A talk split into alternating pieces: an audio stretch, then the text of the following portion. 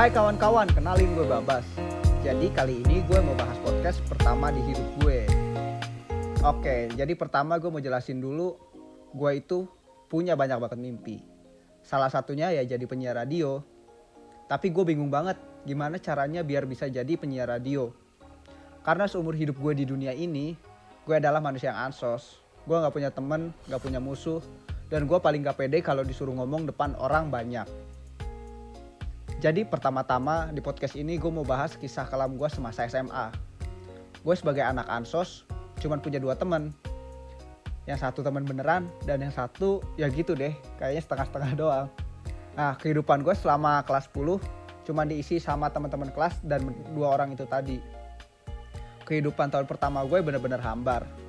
Rutinitas gue selama sekolah itu ya cuman sekolah pulang, sekolah pulang, sekolah pulang dari tahun pertama itu gue setiap diajak ngomong sama orang baru bibir gue selalu bergetar.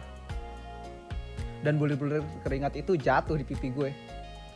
Setiap gue ngomong sama orang baru gue selalu ngerasa itu adalah detik-detik paling mencekam di hidup gue. Nah kita loncat aja tahun ke tahun kedua. Nah di tahun kedua ini sekarang gue mulai bisa beradaptasi dengan kondisi sekitar gue. Gue sudah punya keberanian buat ngomong sama orang-orang baru dan teman-teman gue sekarang bukan hanya mereka berdua lagi. Singkat cerita di tahun kedua ini gue duduk sama perempuan. Nah perempuan yang duduk sebelah gue ini bawelnya minta ampun yang pakai banget banget banget banget. Karena gue duduk lama di sebelah dia, gue yang aslinya pendiam ini, yang ansos ini, gue berubah. Gue berubah jadi Iron Man. Eh enggak, gue berubah jadi manusia yang bawel juga ketularan sama dia. Lanjut ke tahun ketiga gue yang dulunya ansos ini sekarang udah gak ada urat-urat malunya. Gue yang dulunya cuek bebek kalau ngomong ya gitu-gitu doang. Sekarang gue kalau ngomong udah kayak kereta api panjang banget. Yang kalau ngomong itu bla bla bla bla bla bla bla bla bla bla bla bla. Ah sampai temen-temen gue itu mulai kesel kalau sekarang gue udah ngomong karena satu kata yang mereka lontarin bisa gue jadiin seribu kata kayaknya. Dari kebawelan itulah gue mulai terinspirasi jadi penyiar radio. Tapi sekarang gue itu udah jadi mahasiswa. Nah, selama tahun-tahun itu gue belum pernah bikin konten apa-apa. Yang kan konten. Baru mau mulai aja gue udah kebanyakan mikir.